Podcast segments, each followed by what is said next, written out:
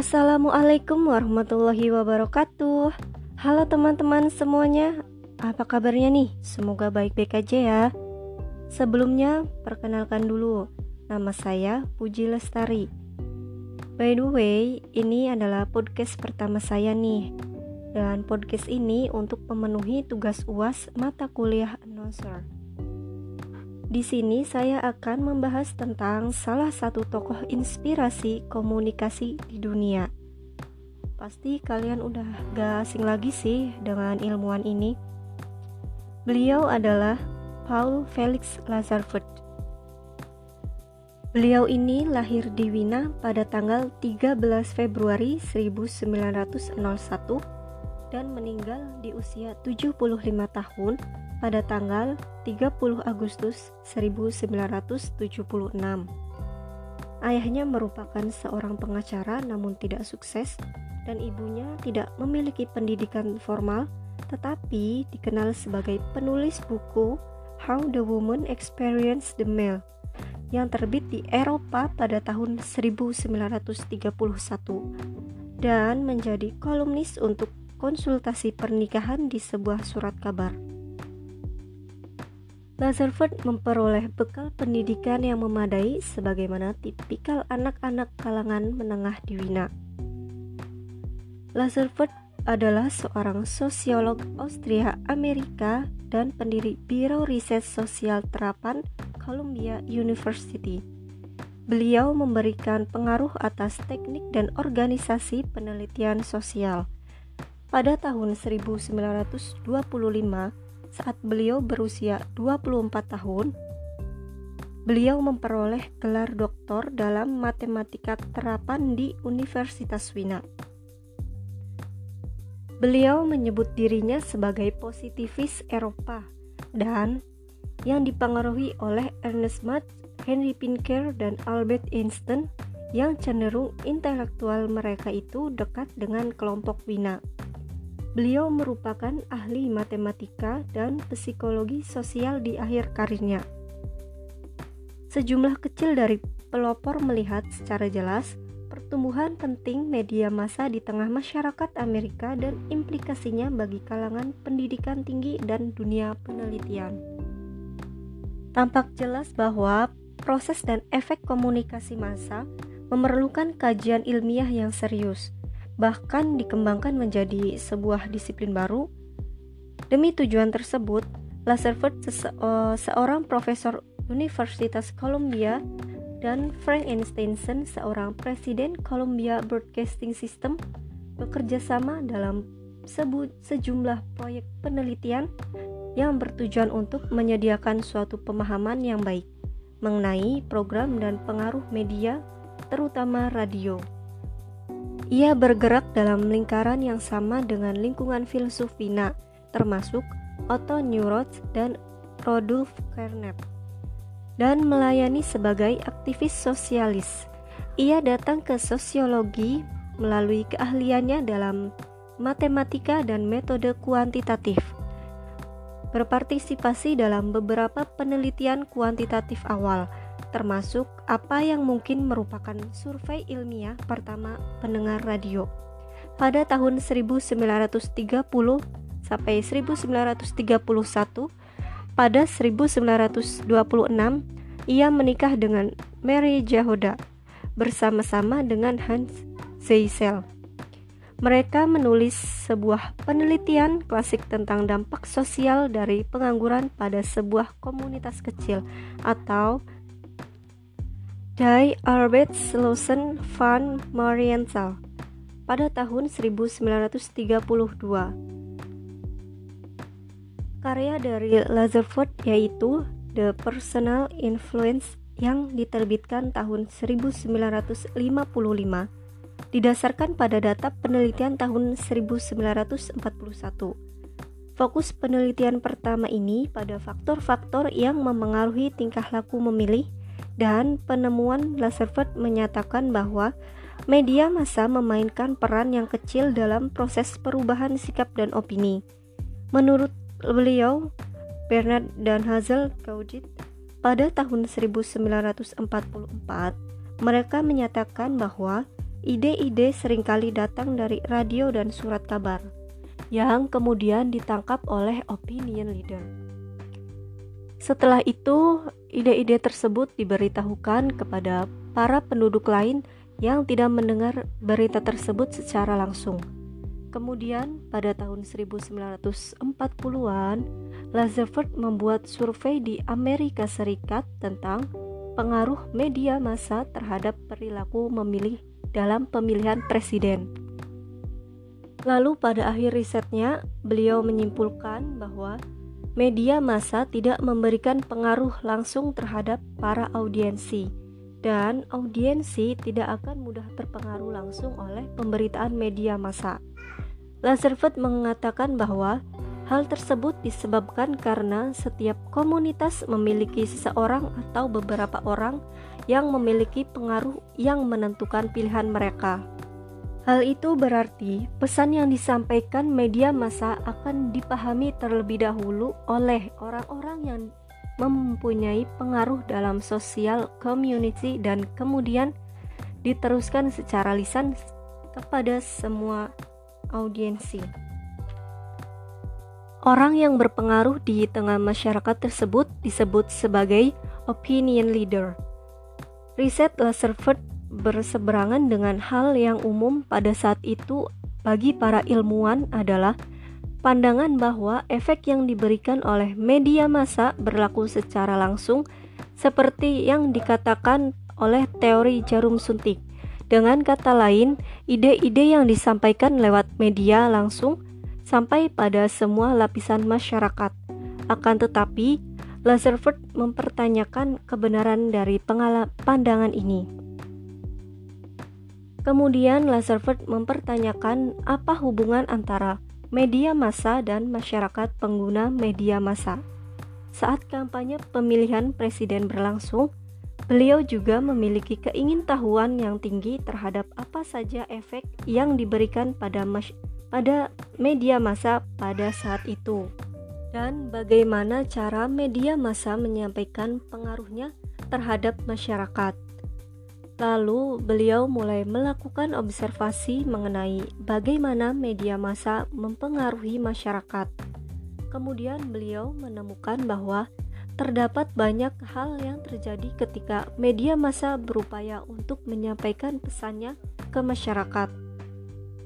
Teori dua tahap ini karena model komunikasi ini dimulai dengan tahap pertama, lalu dilanjutkan dengan proses komunikasi antar personal.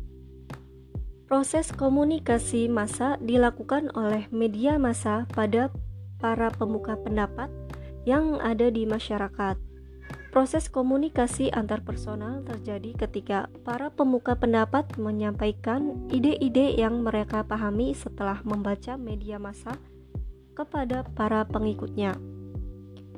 Dengan gelar doktor matematika terapannya, Lazarford kemudian mengajar matematika dan fisika. Selanjutnya, ia berkenalan dengan sepasang suami istri bernama Cart dan Charlotte yang merupakan dua psikologi ternama. Lazarford berhasil meyakinkan mereka untuk membangun sebuah pusat riset di bidang psikologi ekonomi. Lewat riset ini, Lazarford menjalankan sebuah penelitian empiris tentang pengangguran di Marienthal. Studi Marienthal ini menarik perhatian Yayasan Rockefeller yang mengarah ke beasiswa perjalanan 2 tahun ke Amerika Serikat dari tahun 1933 hingga 1935. Lazarford bekerja dengan Federal Emergency Relief Administration dan berkeliling Amerika Serikat, membuat kontak dan mengunjungi beberapa universitas yang memiliki program yang berkaitan dengan penelitian ilmu sosial empiris. Pada masa inilah Lazarford bertemu Lothier Fry di Universitas Rochester yang menghasilkan inspirasi bagi penelitian yang dilakukan dalam personal influence yang ditulis sekitar 20 tahun kemudian dan Robert S. Light yang telah menulis penelitian Middletown. lain akan datang untuk memainkan peran sentral dalam membantu Roosevelt berimigrasi ke Amerika Serikat dan akan merekomendasikan dia untuk jabatan Direktur Sentral New York dan kantor radio riset Princeton. Roosevelt menghubungi Psychological Corporation, sebuah organisasi nirlaba yang ditunjukkan untuk membawa teknik-teknik psikologi terapan ke bisnis dan mengusulkan sejumlah proyek yang ditolak karena tidak memiliki nilai komersial yang cukup atau terlalu terlibat. Dia juga membantu John Jonkis, seorang psikolog terapan di Cornell University, menerjemahkan pengantar statistik yang ditulis Roosevelt untuk murid-muridnya di Wina. Say it with figures. Akhirnya, ia mengajar penelitian ke dalam ide-ide yang disajikan dalam seni bertanya mengapa yang banyak dibaca yang menjelaskan konsep Lazarford tentang analisis alasan. Pada tulisannya yang berjudul Mass Communication, Popular Test and Organized Social Action, Paul Lazarford dan Robert K. Martin menggunakan istilah narcotizing diffusion sebagai istilah yang ditimbulkan oleh media massa dalam mempengaruhi kondisi sosial masyarakat. Studi kasus yang diambil adalah masyarakat Amerika Serikat. Dalam studinya, mereka menerangkan bahwa banjir informasi telah membius orang Amerika ke dalam apatisme massa. Media massa membuat mereka kecanduan. Mengutip pendapat dari Idi Subandi, yaitu Informasi media mempunyai efek seperti efek obat bius dan narkotika. Efek dari ini yaitu media massa khususnya televisi pada akhirnya bisa menyebabkan pasifnya pengetahuan seseorang diakibatkan karena mengonsumsi media tanpa hati-hati. Pada akhir persekutuan pada tahun 1935 dengan kembalinya ke Wina, yang tidak dapat dipertahankan oleh iklim politik. Roosevelt memutuskan untuk tetap tinggal di Amerika dan mendapatkan janji sebagai Direktur Pekerjaan Bantuan Mahasiswa untuk Administrasi Pemuda Nasional yang berkantor pusat di Universitas New York. Di Universitas Rutgers. Setahun kemudian, ia mendirikan sebuah lembaga di New York di sepanjang garis pusat penelitian winanya, melambangkan bidang penelitian pendapat marginal yang menurut Lazarford adalah kontribusi terpentingnya. Lazarford melihat lembaganya sebagai jembatan penting antara model penelitian Eropa dan Amerika dan bersedia untuk menempatkan masa depan lembaganya sebelum karir pribadinya. Misalnya, untuk membuat Center New York tampak memiliki staf yang lebih besar. Lazarford menerbitkan dengan nama samaran. Pusat New York jelas berhasil menghasilkan minat dalam studi empiris dan Lazarford sebagai manajer penelitian. Penelitian yang dilakukan di pusat antara tahun 1935 dan 1937 termasuk penelitian untuk buku Mira Komar Komarov Komarovsky The Unemployed Man and His Family menunjukkan bahwa penelitian empiris dapat membantu dan menarik bagi bisnis dan akademisi.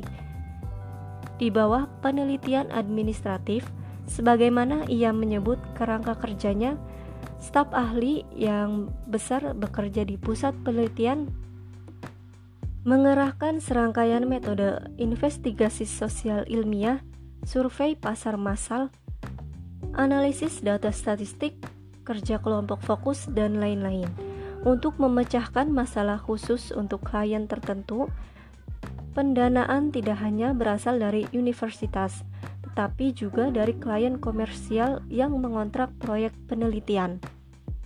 Ini menghasilkan penelitian seperti dua laporan panjang uh, kepada industri susu tentang faktor-faktor yang mempengaruhi konsumsi susu dan kuesioner untuk membuat orang menilai apakah mereka berbelanja terlalu banyak. Saat berada di New York, Rutherford diangkat sebagai kepala kantor proyek radio riset Princeton yang kemudian dipindahkan ke Columbia. Pada tahun 1937, ia pertama kali mencoba agar proyek dipindahkan ke New York. Dan ketika permintaan itu ditolak, membagi waktunya antara proyek dan lembaganya di New York, dia takut dengan benar mungkin bahwa institut itu akan gagal tanpa manajemennya. Di proyek, Lazarford memperluas tujuan yang didalikan oleh asisten sutradara Henry Centril dan Frank Stenson. Dan dalam edisi khusus Journal of Applied Psychology and pada Februari 1939 diedit oleh Lazarford ia menyatukan beberapa penelitian bervariasi yang dilakukan proyek terlibat dalam Rutherford merasa publikasi ini diperlukan karena tidak ada teori pusat yang terlihat dan kami mulai mendengar desas-desus bahwa orang-orang penting mempertanyakan apakah kami tahu apa yang kami lakukan. Tetapi pada musim semi 1939, para perwira Yayasan Rockville masih tidak yakin dan membutuhkan bukti prestasi yang lebih solid. Sebelum mereka mem memperbarui pendanaan, hasilnya adalah radio dan halaman cetak kedua publikasi ini melakukan banyak hal untuk mengonsolidasikan dan mendefinisikan bidang komunikasi. Setelah berselisih dengan Centril yang mungkin bersifat finansial proyek penelitian radio pindah ke Universitas Columbia. Tempat proyek itu berkembang menjadi biro riset sosial yang terkenal. Di Columbia, arah penelitian condong ke arah pemungutan suara dan sebuah studi tentang pemungutan suara November 1940 diterbitkan sebagai The People Choice sebuah buku yang memiliki efek substansial pada sifat penelitian politik. Selama tahun 1940-an, komunikasi massa mengakar sebagai medan tersendiri. Minat Laserford pada unsur persuasif media massa menjadi topik yang sangat penting selama Perang Dunia Kedua, dan ini menghasilkan peningkatan perhatian dan pendanaan untuk penelitian komunikasi. Pada tahun 1950-an, ada peningkatan kekhawatiran tentang kekuatan media massa dan dengan Elihu Katz, Rutherford menerbitkan Personal Influence yang mengemukakan teori aliran komunikasi dua langkah kepemimpinan opini dan masyarakat sebagai filter untuk massa. Media bersama Robert K. Martin, ia mempopulerkan gagasan di fungsi media narkotika bersama dengan peran fungsional di masyarakat. Kontribusinya dari aliran komunikasi dua langkah dari media kepada para pemimpin opini dan kemudian orang lain, penelitiannya tentang karakteristik pemimpin opini, difusi inovasi medis, penggunaan dan kepuasan penerima dari opera sabun radio siang hari dan lain-lain.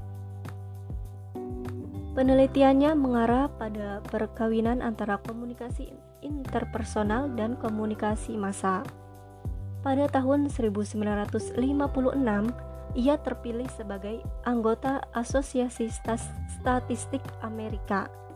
Lasevert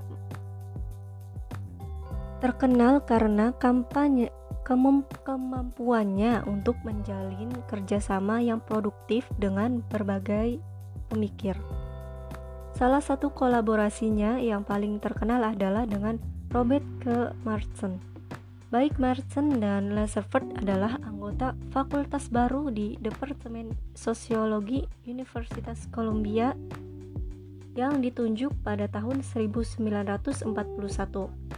Merton dipandang sebagai ahli teori pemula, sementara dianggap sebagai spesialis metodologi.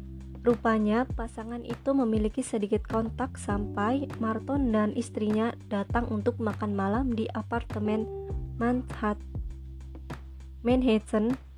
Lazarford pada Sabtu malam 23 November 1941.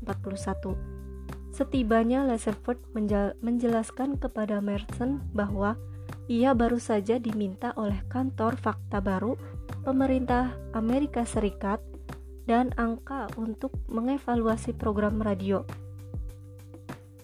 Jadi, Merton menemani Laserford ke studio radio, meninggalkan istri mereka di apartemen Laserford dengan makan malam yang belum dimakan. Laserford menggunakan program Analyzer Station Laserford yang terkenal untuk mencatat respons pendengar dan dalam wawancara berikutnya yang mereka lakukan, Merton berperan penting dalam memastikan pertanyaan dijawab dengan benar. Ini diyakini sebagai awal dari wawancara kelompok terfokus atau apa yang sekarang kita kenal sebagai kelompok fokus. Itu juga merupakan awal dari kolaborasi yang kaya dan berpengaruh di bidang studi komunikasi.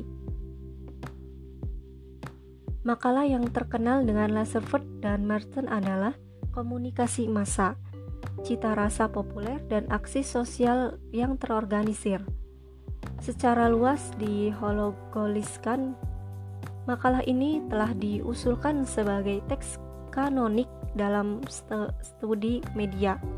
Laserford dan Martin berangkat untuk memahami kepentingan publik yang berkembang di masalah media komunikasi massa. Setelah pertimbangan kritis terhadap pendekatan umum dan bermasalah pada media massa, mencatat bahwa kehadiran media ini mungkin tidak mempengaruhi masyarakat sedemikian dalam seperti yang diduga secara luas. Mereka mengerjakan pekerjaan mereka melalui tiga aspek. Dari apa yang mereka lihat sebagai masalah, mereka menyoroti tiga fungsi sosial yang memberikan bayangan panjang hingga saat ini. Yang pertama adalah fungsi penganugerahan status sosial atau cara media massa me menganugerahkan status tentang masalah publik, orang, organisasi, dan gerak sosial. Fungsi kedua adalah penegakan norma sosial di mana media massa menggunakan paparan publik atas peristiwa atau perilaku untuk mengekspos penyimpangan dari norma-norma ke pandangan publik. Lalu fungsi ketiga yaitu uh, mungkin ini paling terkenal adalah di fungsi narkotika di mana energi individu dalam masyarakat secara sistematis dialihkan dari tindakan yang terorganisir karena waktu dan perhatian yang diperlukan untuk sekedar membaca atau mendengarkan. Media massa paparan terhadap banjir informasi ini dapat berfungsi untuk membuat narkotika daripada memberi energi pada pembaca atau pendengar rata-rata. Maksudnya itu seperti yang sudah tadi saya jelaskan, yaitu media massa membuat mereka kecanduan dan efeknya seperti efek obat bius dan narkotika tersebut. Sisa makalah Laserford dan Merton membahas struktur kepemilikan dan operasi media massa khusus untuk Amerika Serikat. Terutama fakta bahwa dalam kasus majalah, surat kabar, dan iklan radio, mendukung perusahaan bisnis besar membiayai produksi dan distribusi media massa.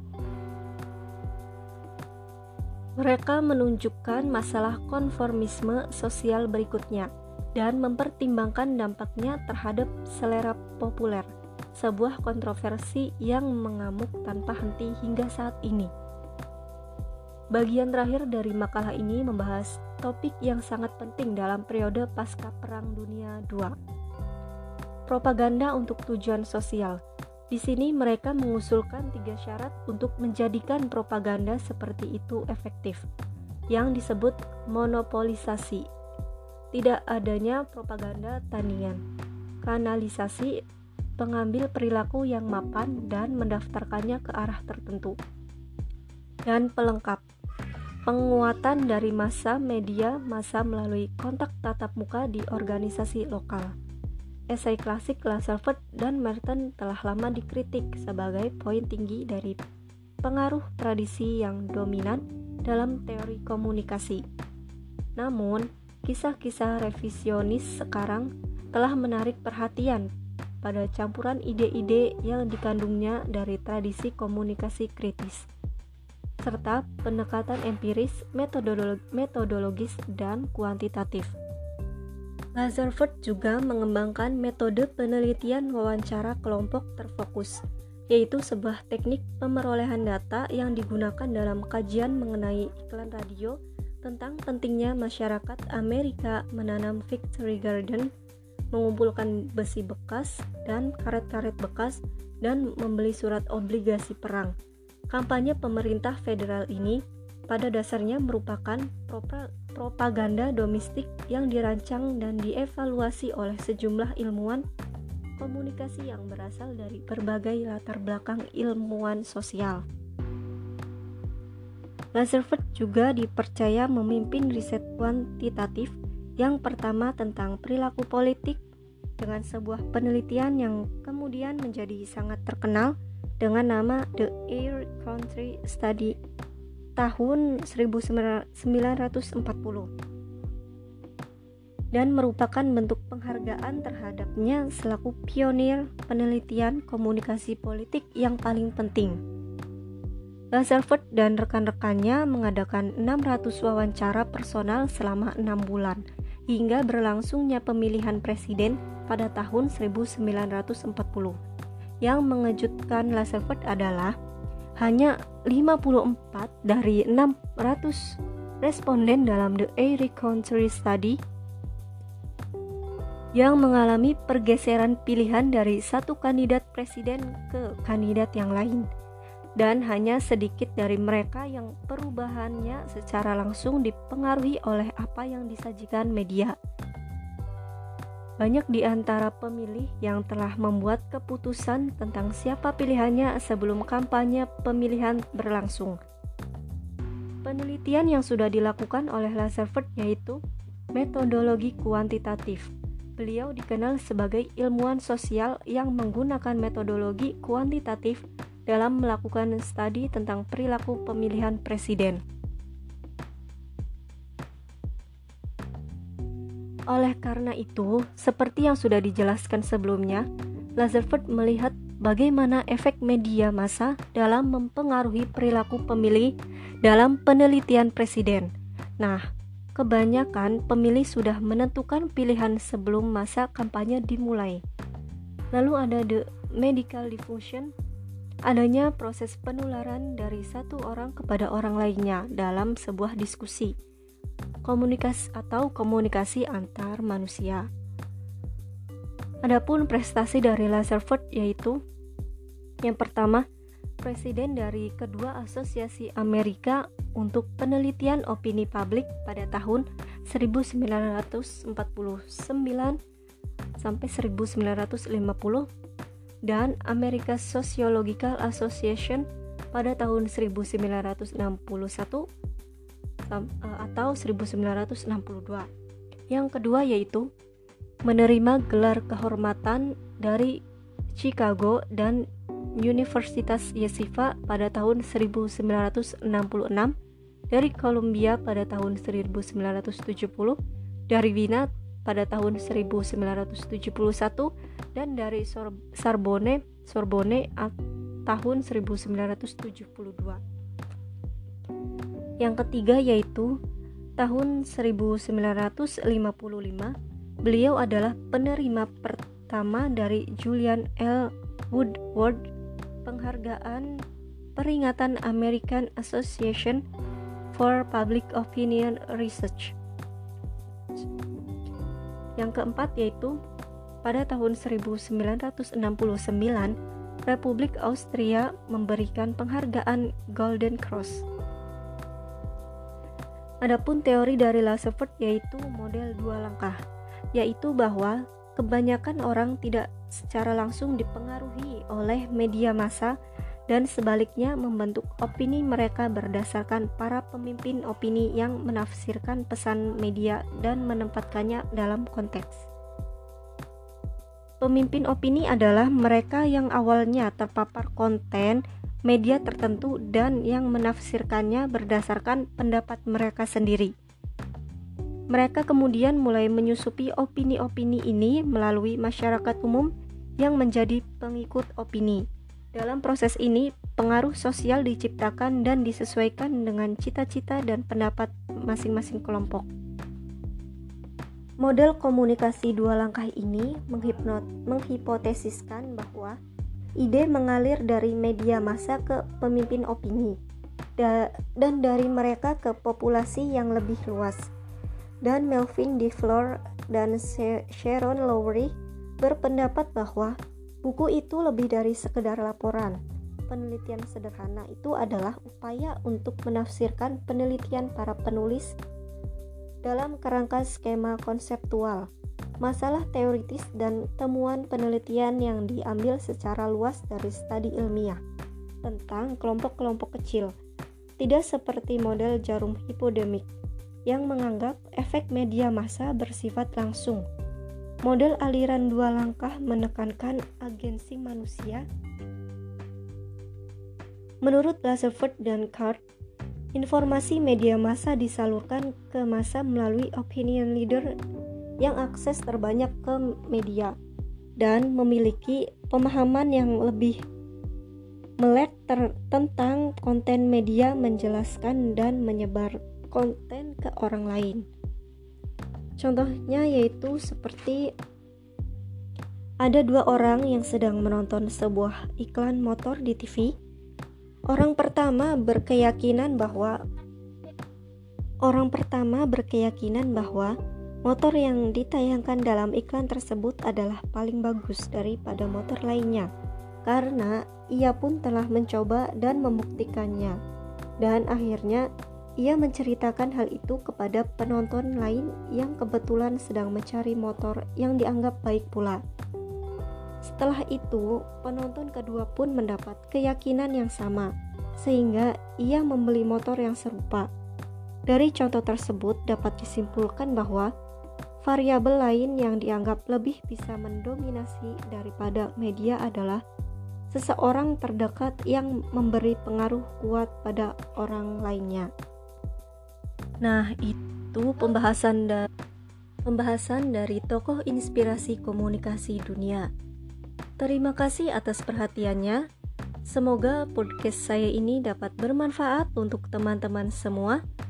Wassalamualaikum warahmatullahi wabarakatuh.